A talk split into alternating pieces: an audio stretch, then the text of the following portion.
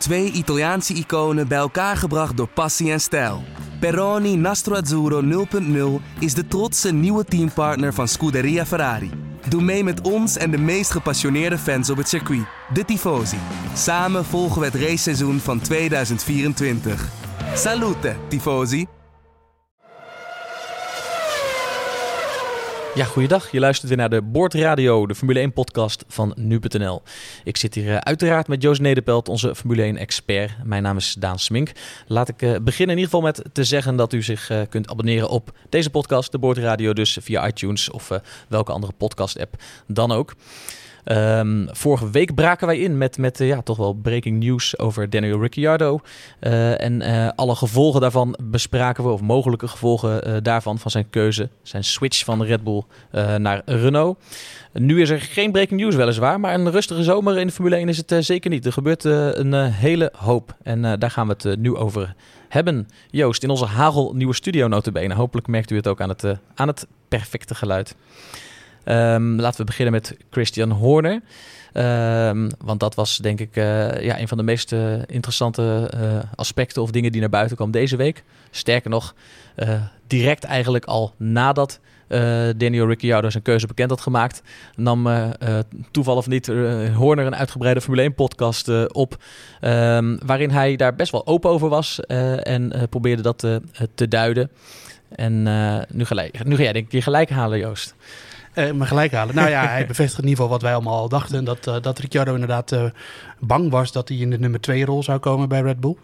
achter Max Verstappen. Al heeft Ricciardo dat zelf natuurlijk niet of nog niet gezegd, hè? Nee, nee dat klopt. Ehm, maar ja, als Horner dat zegt, dan zal er gerust een kern van waarheid in zitten. En het is ook wel de manier, de manier waarop Horner het zei was wel interessant. Want Horner die had het echt over dat Ricciardo wel ziet dat Verstappen de, steeds sterker wordt. The competition between he and Max is...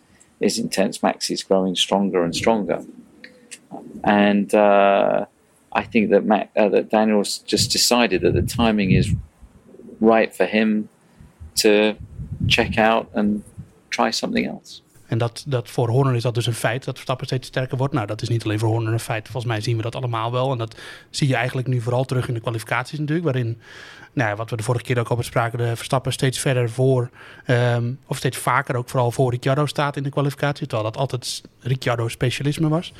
Um, dus ja, hij wond er eigenlijk geen doekjes om. Ik vond het ook wel grappig wat hij zei, dat, dat, uh, dat, hij, dat, dat Ricciardo hem belde uh, om het nieuws uh, te brengen. En dat, dat Horner dacht dat hij hem voor de gek hield. naar Renault is het een grapje. En, en... Ja, ook voor, voor, ik bedoel, het was geen toneelstukje natuurlijk wat, wat, wat ze opvoerden. Hè, door te zeggen dat het als een donderslag bij heldere hemel kwam. Nee. Want ze hebben wekenlang geroepen dat hij ging verlengen. Ja, ja, kijk, natuurlijk is altijd weer de vraag in hoeverre Horner de waarheid spreekt in zo'n podcast. Want uh, Formule 1, mensen die in Formule 1 werkzaam zijn, die kun je wel eens betrappen op een leugentje. Het zijn net politici. maar, maar uh, hij had er niet per se belang bij om dit te zeggen wat hij nu gezegd heeft. Want nee. ze moeten nog dit rest van het jaar door. Uh, hij had het ook diplomatieker kunnen aanpakken. Hij zei wel, uh, goed, Ricciardo zou bij ons gewoon gelijke kansen hebben gehad. Daar niet van. Ja. Maar hij had het gevoel, hè, hij, hij, zag Max beter en beter worden. En hij had wellicht het gevoel dat er in de toekomst een rol op het tweede plan voor hem dreigde. Zonder dat Red Bull daarop aangestuurd had. Ja. En misschien, misschien deden ze dat, gebeurde dat achter de schermen wel. alleen, ik bedoel, dat zegt hij dan natuurlijk niet. He sees Max growing and growing uh, in terms of speed and strength, and and he doesn't want to play a, a support role, I guess, is for want of a better word. It's Not that they're in any way treated in any way different. Were you offering him a number two? Or? No, not at all. He had they would have had equal, equal status as they've always had. En natuurlijk, Ricciardo had niet alleen met Horner hierover gesproken, maar hij had er ook gesproken met Dietrich Mateschitz, de de, de grote baas van Red Bull. Nou, die heeft misschien net weer andere ideeën daarover dan Horner. Horner is ook maar een werknemer natuurlijk in dat opzicht. Um, wel een beleidsmaker, maar tot op zekere hoogte. En uh, wat wel een beleidsmaker is, is natuurlijk Helmut Marco, de, de kornuit van Matesiet, zou ik bijna willen zeggen. Mede-Oostenrijker, oud-coureur. Um, die, uh, die toch over de coureurs gaat bij Red Bull. En, en daar gaat Horner niet over. En die uh, heeft misschien weer andere dingen tegen Ricciardo gezegd, binnenskamers. Ook waar Horner niet bij was, dan, dan dan uh, Horner nu dacht. Ja, want Marco, je vertelde dat vorige keer was een wat ander type dan Horner en Ja. eh, iets minder diplomatiek. Is een Oostenrijker en die kunnen wel eens eh, recht door zee zijn.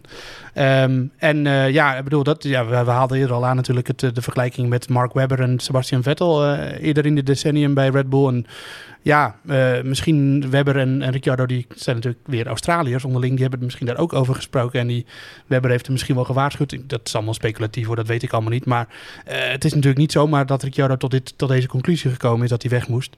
Ehm, nou ja, in ieder geval, het- wat, wat interessant is, dat, dat de meeste mensen wel daar, eh, de meeste kenners, als ik ze zo wil, mag noemen, wel dachten dat dit de reden was waarom Ricciardo wegging. En dat Horner dat eigenlijk bevestigde. En ehm, hij was wel verbaasd, denk ik, dat hij naar Renault ging. Maar volgens mij wist Horner ook wel dat er geen deuren open stonden bij Ferrari of bij Mercedes. Nee, dat zei hij ook letterlijk. Hè? Ja. Hij zei eh, eh, dat hij dus echt moeite had om het te begrijpen, deze keuze. Eh, Ferrari of Mercedes eh, had, ik, had ik wel begrepen, zei hij eh, letterlijk. Ja, Eh, want het is een enorm risico wat hij nu neemt in deze fase van zijn van zijn carrière. zeker. En, en, ook, ook ehm, zei hij eh, over gelijke kansen met Verstappen gesproken. En eh, ja, we, we moeten hem hier maar, in, maar op zijn woord geloven. Hij zei, we boden Daniel alles wat hij maar wilde. En uiteindelijk was het toch niet genoeg. Dus hij Nee. had kennelijk gewoon echt het gevoel dat het tijd was voor iets, iets anders. Hij zei, hij zei ook nog, hè, we waren zelfs bereid, dat vond ik wel opmerkelijk.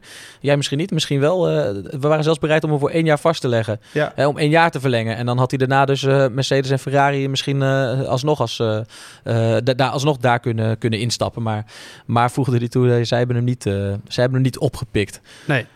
Nee, dat is misschien voor... eh, Zegt ook wel wat. Nou ja, als je, tuurlijk had Ricciardo eh, liever naar eh, Ferrari of Mercedes gewild dan naar Renault. Dat, daar geloof ik heilig in. En in dat opzicht is het opvallend dat hij die stap maakt. Want ja, als je kijkt naar het team van Renault. ehm ze zijn sinds 2015 weer fabrieksteam. Daarvoor was het natuurlijk Lotus. En in die periode wonnen ze met Kimi Räikkönen wel eens een race. Niet, niet heel veel, maar wel eens. Ehm, eh, de laatste keer dat Renault als Renault-team op het podium stond was in 2011. Vitaly Petrov, voor de kenners.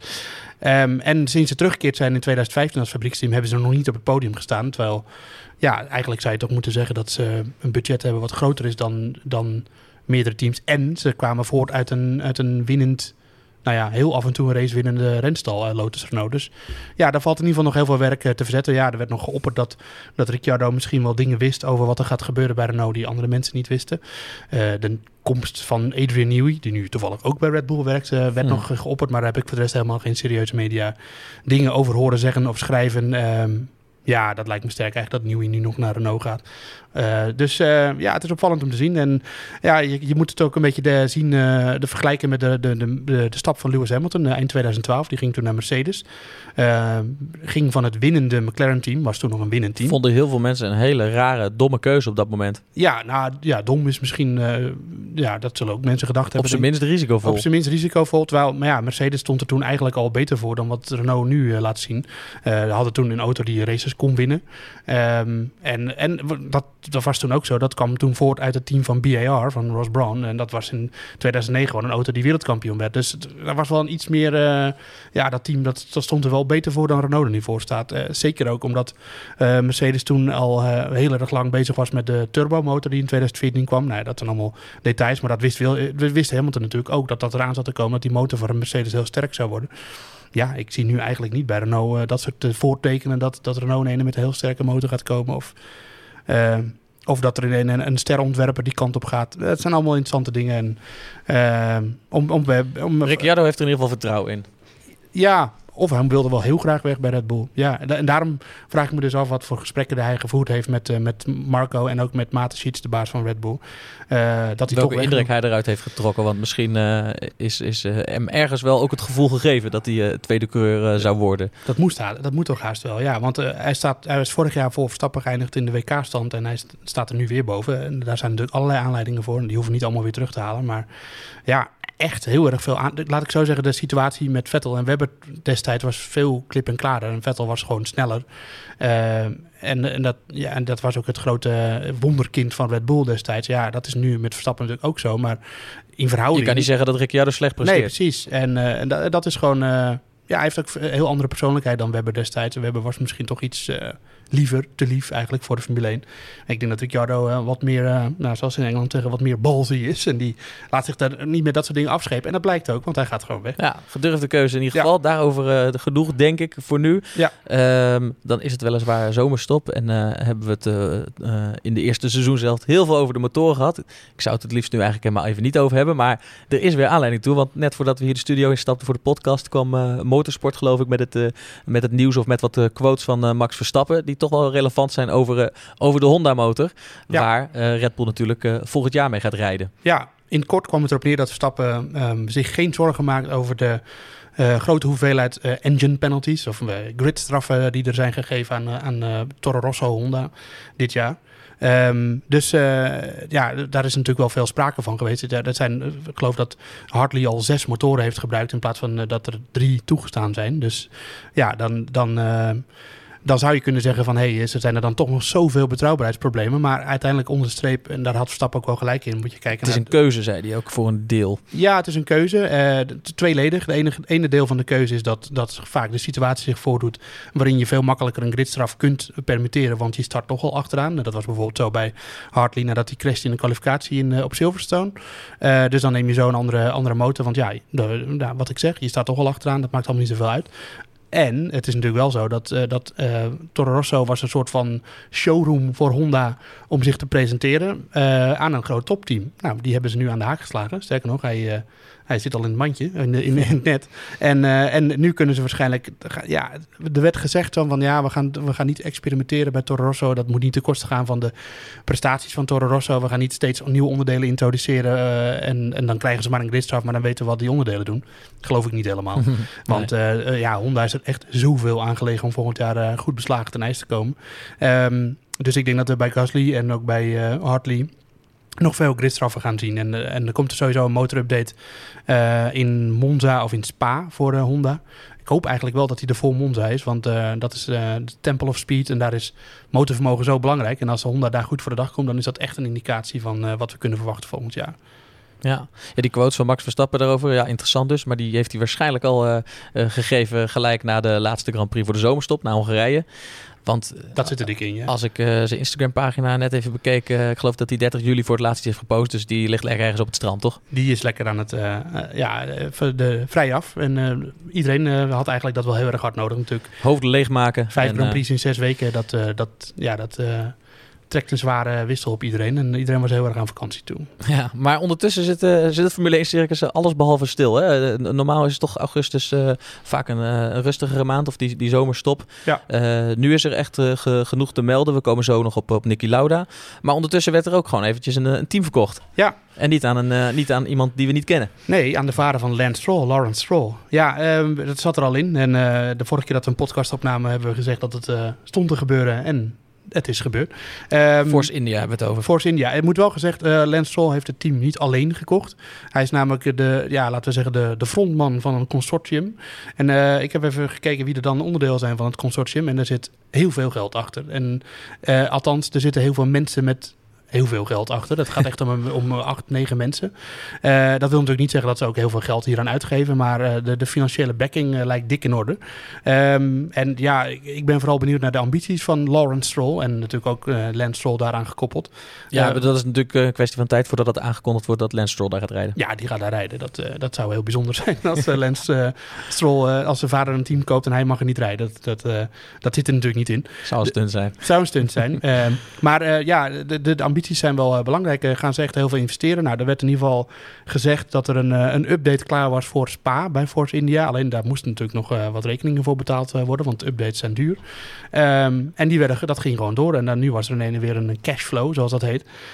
dus er is meteen is er waarschijnlijk een budget beschikbaar gesteld. Ja, en belangrijk is dat, om even te vermelden waarom, waarom als je een team overneemt, waarom dat, dat moet gebeuren. Want als een team, dat hebben we bij Sauber gezien, een, een tijd stilstaat in ontwikkeling, ja, dat kost heel veel tijd en geld om dat weer goed te maken. Stilstand is achteruitgang. Is een, uh, Zeker in de is, Formule 1. Is een Formule 1 wet. En, uh, en daarom is het heel belangrijk dat dat gewoon doorgaat. Ja, ik ben heel benieuwd wat er bij, uh, bij Force India gaat gebeuren. Stroll gaat daar rijden. Wie gaat ernaast rijden?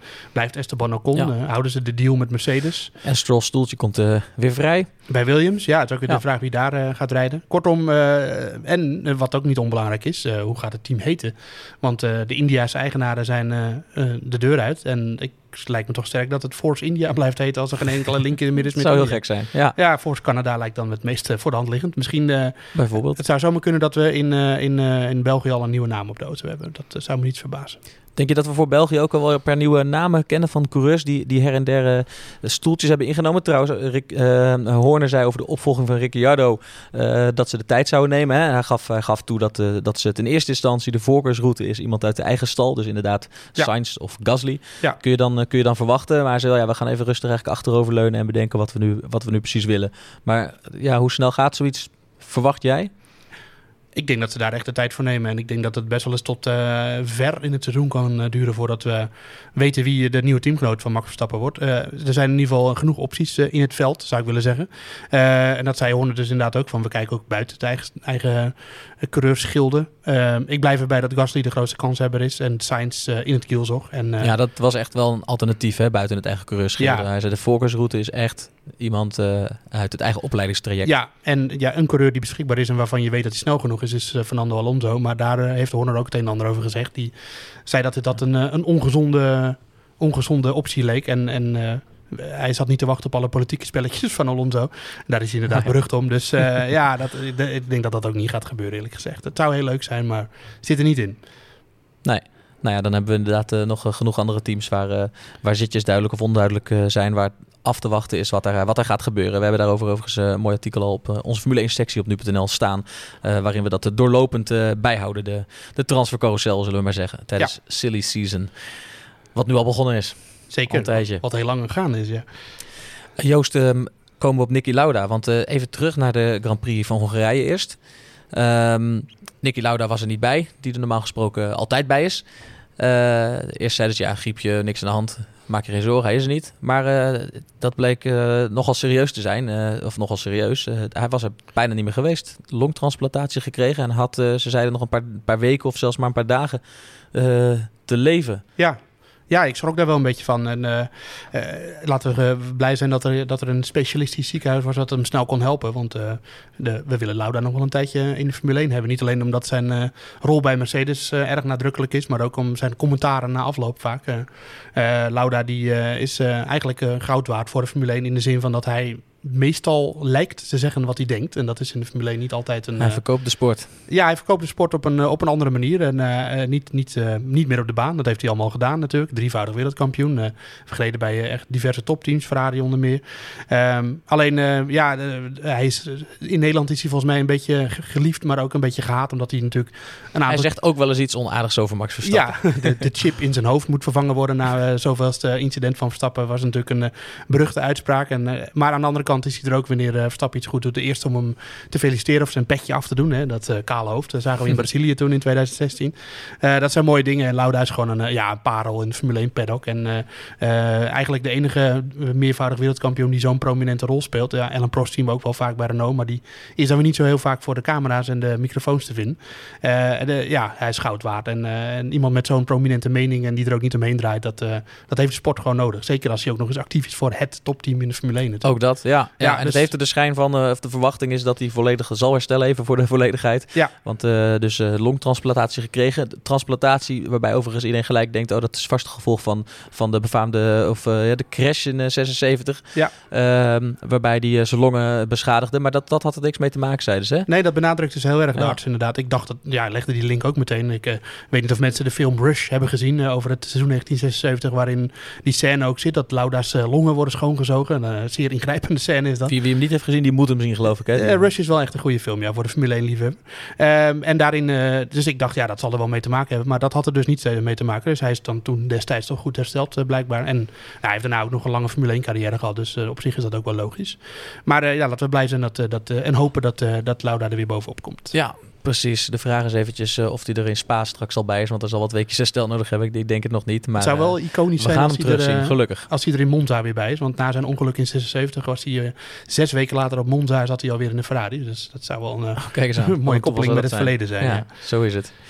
Eh, Lauda, dat is eh, eh, ook een mooi bruggetje naar, eh, naar ons land en een mogelijke Nederlandse Grand Prix. Want laatste winnaar van eh, een Grand Prix op Nederlandse bodem in 85? 85. 85. Op Zandvoort natuurlijk, was eh Nicky Lauda. Yes, met de McLaren. Ehm, met de McLaren. En deze week, eh, of afgelopen week moet ik zeggen, was er, eh, was er rond die Nederlandse Grand Prix weer wat, wat te doen. Hè? Mogelijke nieuwe ontwikkelingen. Het eh, AD had daar een heel aardig eh, verhaal over. Zeker. Ehm, waarin eh, ja, werd geschetst eigenlijk dat het toch steeds weer een stapje dichterbij komt. Ja.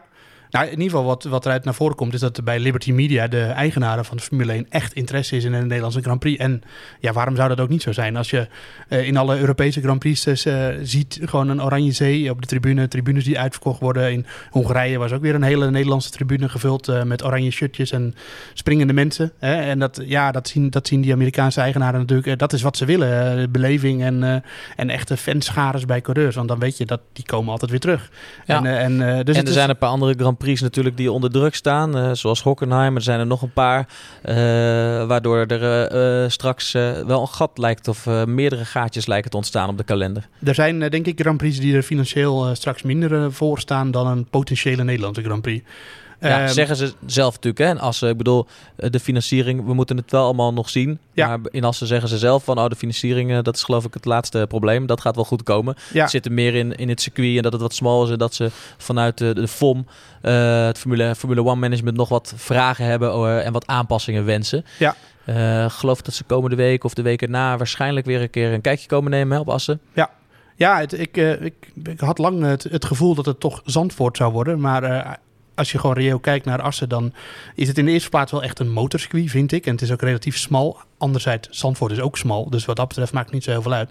Maar ja, eh, omdat de Assen organiseren natuurlijk... Monaco is ook smal. Monaco is ook smal, ja. Zeker, zo is het ook. Dat is ook een klassieker. Maar nou ja, kijk, eh, Zandvoort, daar kun je de faciliteiten die de Formule 1 nodig heeft, gewoon veel minder goed kwijt. En ehm, als je alleen al kijkt naar, naar bij de gemiddelde Grand Prix, eh, en dan heb ik het niet over de overzeese Grand Prix, maar in Europa, dat er achter de pitstraat heb je natuurlijk de pitboxen en daar staan allemaal vrachtwagens en daar staan daar aangekoppeld weer de motorhomes. Ja, dat, eh, dat, dat kan in Zandvoort al niet eens. Dan, moeten ze op een eh, andere plek het staan. Moet gezegd, dat is in Spa is dat ook zo. Daar staan de motorhomes ook niet direct achter de pitboxen. Ehm, alleen dan wel staan, wenselijk. het is wel wenselijk. En, en eh, ja, eh, eh, in Assen zijn alle tribunes al redelijk eh, gereed. En zit er zelfs een dak op de tribune eh, op, voor een groot deel. Dat is natuurlijk in Zandvoort ook maar een klein stukje Ja. zo. Heel veel ruimte eromheen, hè? dicht bij Duitsland. Ja. Dat eh, helpt natuurlijk ook mee. Ja, ik weet niet of ze afhankelijk zijn. Ik denk niet dat ze afhankelijk zijn van de Duitsers eh, om eh, het circuit te vullen. Sterker nog, dat is ook de reden waarom ik denk dat het financieel geen enkel probleem is. Want je weet gewoon zeker dat je, dat je die race Dat je hem uitverkoopt. uitverkoopt. Ja, dat moet geen probleem zijn. Kijk, in Duitsland is het natuurlijk ook vaak het probleem geweest dat de opkomst gewoon laag was. En ehm, Mm. ik moet zeggen dat dat dit jaar alweer beter was. Dankzij de Nederlanders ook natuurlijk. Ehm, Maar dicht bij de grens, daar wonen we wellicht wat Hulkenberg-fans. Want daar komt hij vandaan, toch? ja, ja, meer naar het zuiden, maar inderdaad, dat zou kunnen. Maar nee, het wordt natuurlijk één grote oranje zee. En, eh, en ehm, ja, ik denk dat het eigenlijk wel, eh, dat ziet er gewoon heel goed uit. Eh, ik, ik moet zeggen, ik was eh, vind wel enigszins verbaasd door die uitspraken in, in het AD. Positief verrast, ook laat ik dat zeggen, dat het al zo... Ja, ik wil het wel, ik wil het wel de, de FOM zelf nog horen zeggen hoor. Tuurlijk. natuurlijk zien ze, ziet de organisatie die dat naar Nederland eh, wil halen. Het was Lee van Dam die aan het woord eh, kwam. Ja, promoten. Eh, zien ze dat eh, zitten. En tot nu toe zijn de signalen die naar buiten toe zijn gekomen vanuit Formule 1 zelf zijn ook positief. Ja. Alleen ze hebben zich natuurlijk nog niet expliciet uitgesproken van het gaat gebeuren. Nee, dat, dat niet. En, maar ja, goed, je, je kunt het. er zijn natuurlijk zoveel steden en, en landen nog in de race voor een, voor een race. Ehm, Kopenhagen is een belangrijk voorbeeld daarvan. Maar ja, ik denk dat, dat Formule 1 iets meer leeft in Nederland momenteel dan in Denemarken. Ondanks. Het Verstappen-effect, dat moet Ja. ongetwijfeld eh, een zetje in de goede richting geven. Ik lijkt weet niet hoe groot het Kevin Magnussen effect in Denemarken is. Maar het, ik zie niet heel veel eh, eh, tribunes gevuld met Deense fans door Europa. En in Nederland is dat natuurlijk. ja, je weet gewoon. Ik, ik denk dat je gewoon 200.000 mensen kun je makkelijk krijgen door een heel weekend heen. En dat is waarschijnlijk nog wel meer ook. Dus dat moet echt geen enkel probleem zijn. Infrastructuur is natuurlijk wel een dingetje. En dat is met de MotoGP ook een, een factor altijd. Alleen, en dan komen er altijd, al- daar komen nog meer motoren op af natuurlijk. Die zijn een stuk smaller dan auto's. Ja.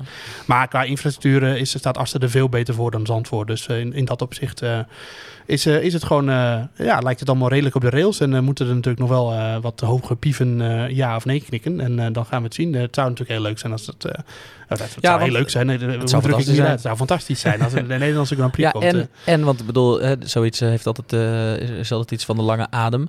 Maar ze zeiden zelf zelfs als er in 2019 nog een Grand Prix wegvalt en we krijgen het verzoek, kunnen jullie dat gaatje vullen, dan, dan zou dat wat as betreft prima kunnen. Ja, Dus je weet het nooit. het is natuurlijk een heerlijke positie om in te zitten als, als promotor. Van je weet gewoon dat eh, normaal is voor een promotor altijd de vraag: ga ik het uitverkopen of niet? Nou, dat is nu echt geen kwestie. Dat, eh, Natuurlijk gaat dat gebeuren. En dan, eh, dan kun je ook wat, wat makkelijker wat verbouwingen veroorloven of andere dingen. Ehm, dus ja, we gaan het zien. Dus ik, ik heb makkelijk praten hier hoor. Maar ik denk dat die, die als ik die meneer, hoe heet hij ook alweer? Lief van Dam. Lee van Dam, als ik hem hoor, eh, of Lars wat hij allemaal zei, dan, dan lijkt hij wel redelijk overtuigd dat het gaat gebeuren. Ja, tot slot ehm, eh, moeten we natuurlijk toch al met een schuin nog even naar Spa kijken, want het is eh, zomerstop. Maar zo lang duurt het ook weer niet meer. Ehm, even kijken hoeveel dagen nog als we gaan aftellen. Nou, nog, Mm. komend weekend nog twee weken. Ja, nou kijk eens aan. Ja, dan zijn we er alweer.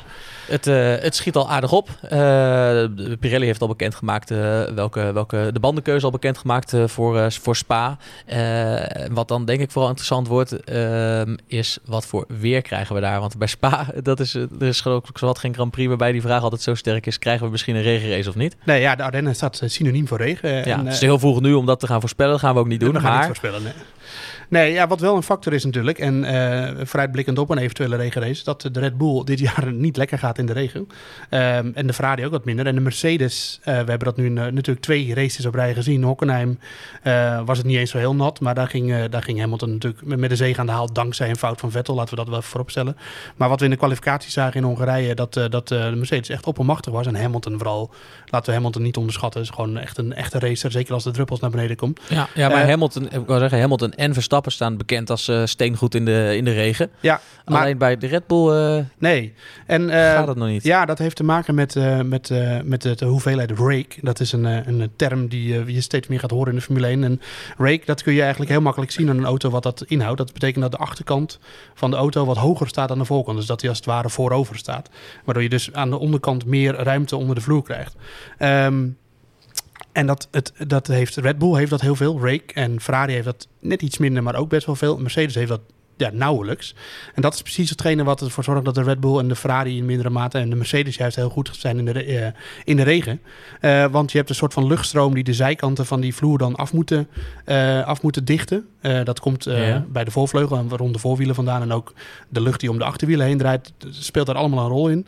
En als je dan ineens op regenbanden of op Je zou het eigenlijk moeten zien, maar ik kan je nog, ik kan je nog ongeveer volgen. Ja, ja nee, je moet eigenlijk een soort, soort van luchtstroom aan de zijkant Ja. van de auto je je voorstellen. Ja? En die zorgt ervoor dat, de, dat wat er onder de auto gebeurt aan lucht, dat dat compact bij elkaar blijft en niet onder de auto vandaan gaat. En dat zorgt weer voor downforce, want je hebt dan een soort ja, van word je vacuüm op de weg gedrukt en dan eh behoud Ja. je makkelijker. eh, Ja, er ontstaat eigenlijk een soort vacuüm onder de auto. En hoe meer rake, hoe meer dat in theorie kan bereiken. Alleen het is heel lastig aerodynamisch om dat allemaal voor elkaar te krijgen. Het probleem bij de Red Bull en de, en de Ferrari is natuurlijk dat ze dat veel meer hebben. En zodra er regenbanden of eh intermediates onder de auto zitten, dan zijn de luchtstromingen om de voorwielen en ook om de achterwielen anders. En dan veranderen dus ook de luchtstromingen aan de zijkant van de auto.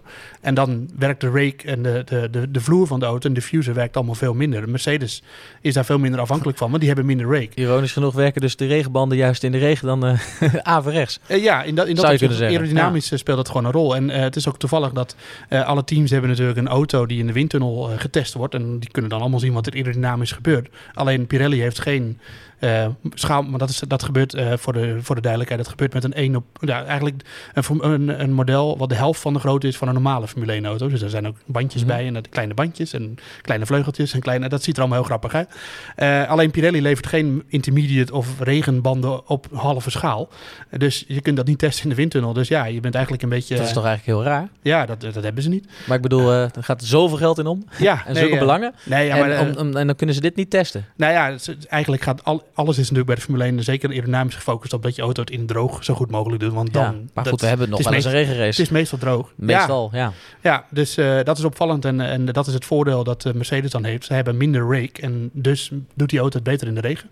Dus eh, wat Mercedes betreft, de tweede seizoen Hoe heb je dit uitgeplozen, Joost? Daar ben ik toch wel benieuwd naar. nou, dit, ik, ik ben hierdoor eh, over geïnformeerd door een, een, een goed stuk van Gary Anderson, oud Formule 1 designer.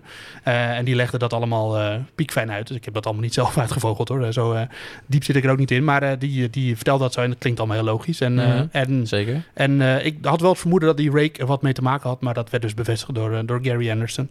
Ehm, dus ja, Mercedes hoopt op heel veel regenraces. En eigenlijk de Verstappen-fans en ook de, de Ferrari-fans. En eigenlijk denk ik ook voor de, voor de titelstrijd de tweede seizoenshelft eh is het misschien beter dat er niet te veel regen... niet te veel regen hebben. Nee, Nee. dat is wel grappig inderdaad. Want Ja. eh, toen, zeker toen Verstappen net doorbrak, eh, toen hoopte iedereen elke keer op regen. Want daar was hij zo goed in. Ja, en ik, maar ik, vind wel Daar is hij waarschijnlijk nog goed in. Alleen Ja, de Red Bull werkt niet mee. Nee, nee, niet meer in de regen kan rijden. Nee. Het, het, en, maar het was wel opvallend, die auto's van 2016, die, hadden, daar had Red Bull dat ook al wel veel rake, maar niet zoveel als dat ze nu hebben. Alleen door die bredere banden nu lijkt dat gewoon een iets grotere rol te spelen. En ja, ik denk dat Verstappen daar wel heel erg van, veel van baalt, want hij hoopte eerst natuurlijk altijd op de regenraces, want dan is het motorvermogen weer niet zo'n grote factor. En ja, nu blijkt Mhm. dat die auto niet goed is in de regen. Dat, eh, dat moet hem wel frustreren, denk ik. Maar het is niet het enige wat hem frustreert, denk ik, dit seizoen. Nee, er moet nog, eh, er moet nog eh, genoeg eh, gebeuren. Misschien is dat ook wel weer een voordeel hoor, bij Red Bull, denk ik af en toe. Dat, eh, dat je ook het gevoel hebt van, nou ja, veel slechter kan het, eh, kan het niet gaan. Dus de verwachtingen zijn nu steeds lager. Dus wie weet, hè, een keertje podium is dan alweer, eh, is dan alweer een meevaller. Ja, het kan op Spa zomaar gebeuren. Eh, natuurlijk zijn er lange rechte stukken, maar er zijn ook echt eh, heel veel eh, bochtige secties waarin de Red Bull juist weer heel erg goed naar voren komt. Alleen, ja, als we de vorm van de afgelopen weken eh, terug moeten halen, dan denk ik dat het dit seizoen, en eigenlijk is het het hele seizoen al zo, dat het, ja, eh, zoals de Engelsen het noemen, nip en tak is tussen eh, de Mercedes en de Ferrari. En dat blijft denk ik zo. Ehm, Dus eh, ja, we gaan het zien. Want niet werken die topteams nu, hè, nu in de zomerstop? Eh, Max Verstappen, andere coureurs, die zijn ongetwijfeld lekker vakantie aan het vieren. Maar wordt er achter de schermen en in de fabriek wordt er ge- getest, wordt er nog gefine-tuned? Of gebeurt Nee. er ook daar helemaal niks Nee, nu? de fabrieken zijn zelfs verplicht dicht. Dat moet, eh, maar is dat de hele zomerstop het geval? Ja. Zeker.